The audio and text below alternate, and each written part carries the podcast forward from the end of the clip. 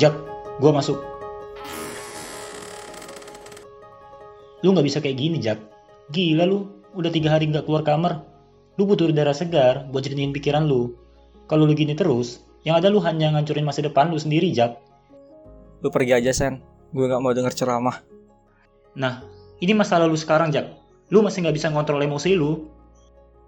Lu kalau mau ngina doang mending pergi deh. Dengan lu sekarang yang nggak bisa ngontrol emosi, jadi nggak bisa berpikir jenis sama sekali, Jak. Gue paham kok dan mengerti kalau lu sekarang lagi terpuruk. Tapi mau sampai kapan? Gak ada niatan buat bangkit. Lu udah kelewatan, Jak, kalau sampai nyiksa diri gini. Gue bukannya gak bisa ngontrol emosi.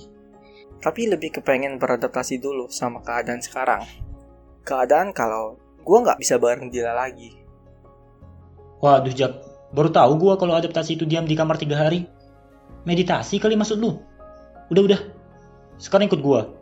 Biar gue kasih tahu cara adaptasi yang benar. ya udah, lu sekarang mau gue kayak gimana?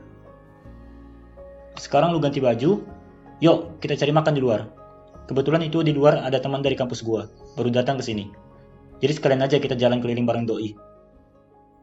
Lah, teman lu siapa?